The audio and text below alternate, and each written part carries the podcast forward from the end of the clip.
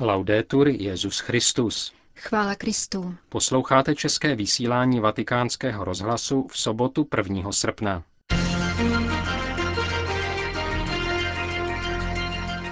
Spravodajský blok a další pokračování z nejzávažnější promluvy papeže Františka při jeho letošní návštěvě v Latinské Americe. Takový je program našeho dnešního pořadu, kterým vás provázejí Jana Gruberová a Petr Havlíček. Zprávy vatikánského rozhlasu. Vatikán. Generální audience papeže Františka se v jubilejním roce milosrdenství rozrostou. Kromě obvyklých středečních generálních audiencí se budou konat také audience v sobotu. V rozhovoru pro německou redakci našeho rozhlasu to uvedl prefekt papežského domu Monsignor Georg Genswein. Jak upřesnil, od ledna do listopadu roku 2016 se budou moci poutníci setkat se svatým otcem navíc vždy jednu sobotu v měsíci. První taková sobotní generální audience je naplánována na 30. ledna 2016. Jak monsignor Genswein dále připomenul, 26. srpna se bude konat již stá generální audience papeže Františka od začátku jeho pontifikátu. Od té doby se takto setkal již s asi třemi miliony lidí. Řím. Mezinárodní asociace Hands of Kine, která sleduje udílení trestu smrti ve světě, vyznamenala papeže Františka svou výroční cenou za jeho úsilí o zrušení tohoto nejvyššího trestu. Zprávu přineslo včerejší vydání vatikánského listu Osservatore Romano. Jak oznámil tiskový mluvčí svatého stolce, toto ocenění je pouze symbolické. Papež totiž nikdy nepřijímá oficiální ocenění ani vyznamenání, upřesnil otec Federico Lombardi.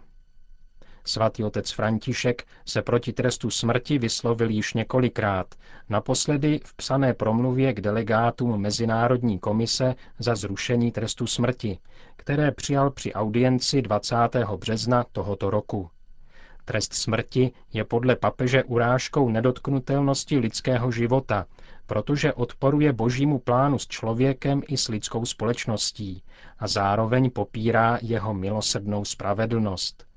Obětem násilí totiž trest smrti nepřináší spravedlnost, ale podněcuje je k pomstě. Stejně rozhodně se papež František staví i proti doživotnímu odnětí svobody. Po svém nástupu do úřadu proto zrušil v trestním zákonníku městského státu Vatikán tento trest a zavedl naopak trestní postih za zločiny proti lidskosti. Jak uvedla v Římě zmíněná Mezinárodní asociace při prezentaci výroční zprávy, zrušilo ke dnešnímu datu trest smrti 161 zemí světa. Nejvíce poprav v loňském roce vykonala Čína. Následována je Iránem a Saudskou Arábií. Trest smrti nadále platí také ve Spojených státech jako jediné zemi na americkém kontinentu. Jedinou evropskou zemí, která může uplatnit nejvyšší trest, je Bělorusko. Vatikán. Služba úřadu papežského almužníka pokračuje i v letních měsících bez přerušení. Jak zdůrazňuje monsignor Konrád Krajevsky, dílo milosrdné lásky nemůže mít letní prázdniny. Naopak právě v těchto měsících je jeho služba velmi vyhledávaná. Papežský almužník spolu s dobrovolníky, sestrami matky Terezy a členy vatikánské švýcarské gardy se v těchto dnech plně věnuje potřebným v duchu úkolu, který mu svěřil papež František. Ve sprchách, které byly vybudovány v kolonádě svatopetrského náměstí, se v těchto dnech vystřídá asi 140 lidí bezdomova. Jejich počet vzrostl s přibývajícími horkými dny, uvedl pro náš rozhlas arcibiskup Krajevský. Sprchy jsou otevřeny denně od 7 do 18 hodin, kromě doby, kdy se na svatopetrském náměstí konají středeční generální audience nebo nedělní modlitba Anděl Páně. Dobrovolníci rozdávají bezdomovcům také hygienické potřeby. Připraveni posloužit těmto lidem bývají také holiči. Každý večer vycházíme do města, říká monsignor Krajevsky na vlaková nádraží Terminy a Tiburtína, abychom i tam rozdali potřebným lidem jídlo. Nedaleko Vatikánu, v ulici Dei Penitencieri, se také připravuje noclehárna pro lidi bez domova. Až budou hotovy dokončovací práce, začne i toto zařízení sloužit potřebným. Řím. Včera večer v římském kostele Del Gesù oslavili členové jezuitského řádu slavnost svého zakladatele svatého Ignáce z Loyoli. Eucharistické bohoslužbě předsedal generální představený tovaristva Ježíšova otec Adolfo Nikolás. Ve své homílii připomenul několik charakteristických rysů osobnosti tohoto světce. Podle něho svatý Ignác pochopil, že v životě s Bohem není důležité, co člověk získá, aby si to přivlastnil, ale že důležité je, aby člověk byl a dokázal se rozdat druhým. Ve službě Bohu a druhým je třeba dát všechno. V tom, podle otce Nikoláse, spočívá povolání jezuitů a pouze na tom lze postavit skutečné mezilidské vztahy. Včerejší bohoslužby v kostele Del Gesù se zúčastnilo také několik českých členů jezuitského řádu. Jeden z nich, otec Michal Altrichter, pro náš rozhlas na závěr mše svaté uvedl. Jsem velice šťastný, že jsem mohl být otcem generálem, vidět, jak opravdu nám sděluje něco o bohatství Ježíšova srdce, o tom, jak je krásná jezuitská spiritualita a jak je pěkně, když my jezuité se můžeme na sebe těšit. Co podle vás může osobnost svatého Ignáce a jeho spiritualita dát dnešnímu světu? Ignác je statečný, že je vždycky samostatný, nejde s proudem doby, přitom se snaží spolu cítit velice výrazně s těmi, kteří žijí dnešní současnost, ale zároveň vždycky klade primát na prožívaná boží tajemství. V tom je jeho velikost. Konec zpráv.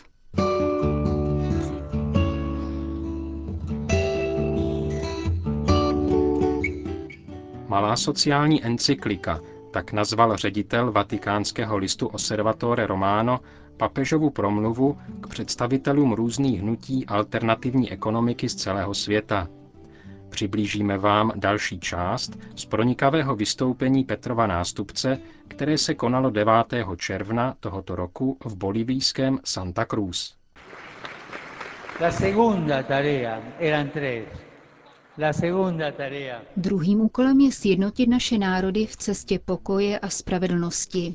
Národy světa chtějí být tvůrci vlastního osudu. Chtějí v pokoji kráčet vlastní cestou ke spravedlnosti. Nechtějí kuratelu či vměšování, kterými si ten silnější podrobuje slabšího. Chtějí, aby byly respektovány jejich kultura, jazyk, sociální procesy a náboženské tradice. Žádná faktická a ustanovená moc nemá právo zbavovat chudé země plného uplatňování jejich vlastní svrchovanosti. A činí-li tak dochází k novým formám kolonialismu, které vážně poškozují možnost míru a spravedlnosti, protože mír se zakládá nejenom na respektování práv člověka, ale také práva národů, zvláště práva na nezávislost. Národy Latinské Ameriky bolestně zrodily svoji politickou nezávislost a od té doby již téměř dvě století prožívají dramatické dějiny plné protikladů ve snaze získat nezávislost. V těchto posledních letech po mnoha nepochopeních byly mnohé země Latinské Ameriky svědky rostoucího bratrství mezi svými národy.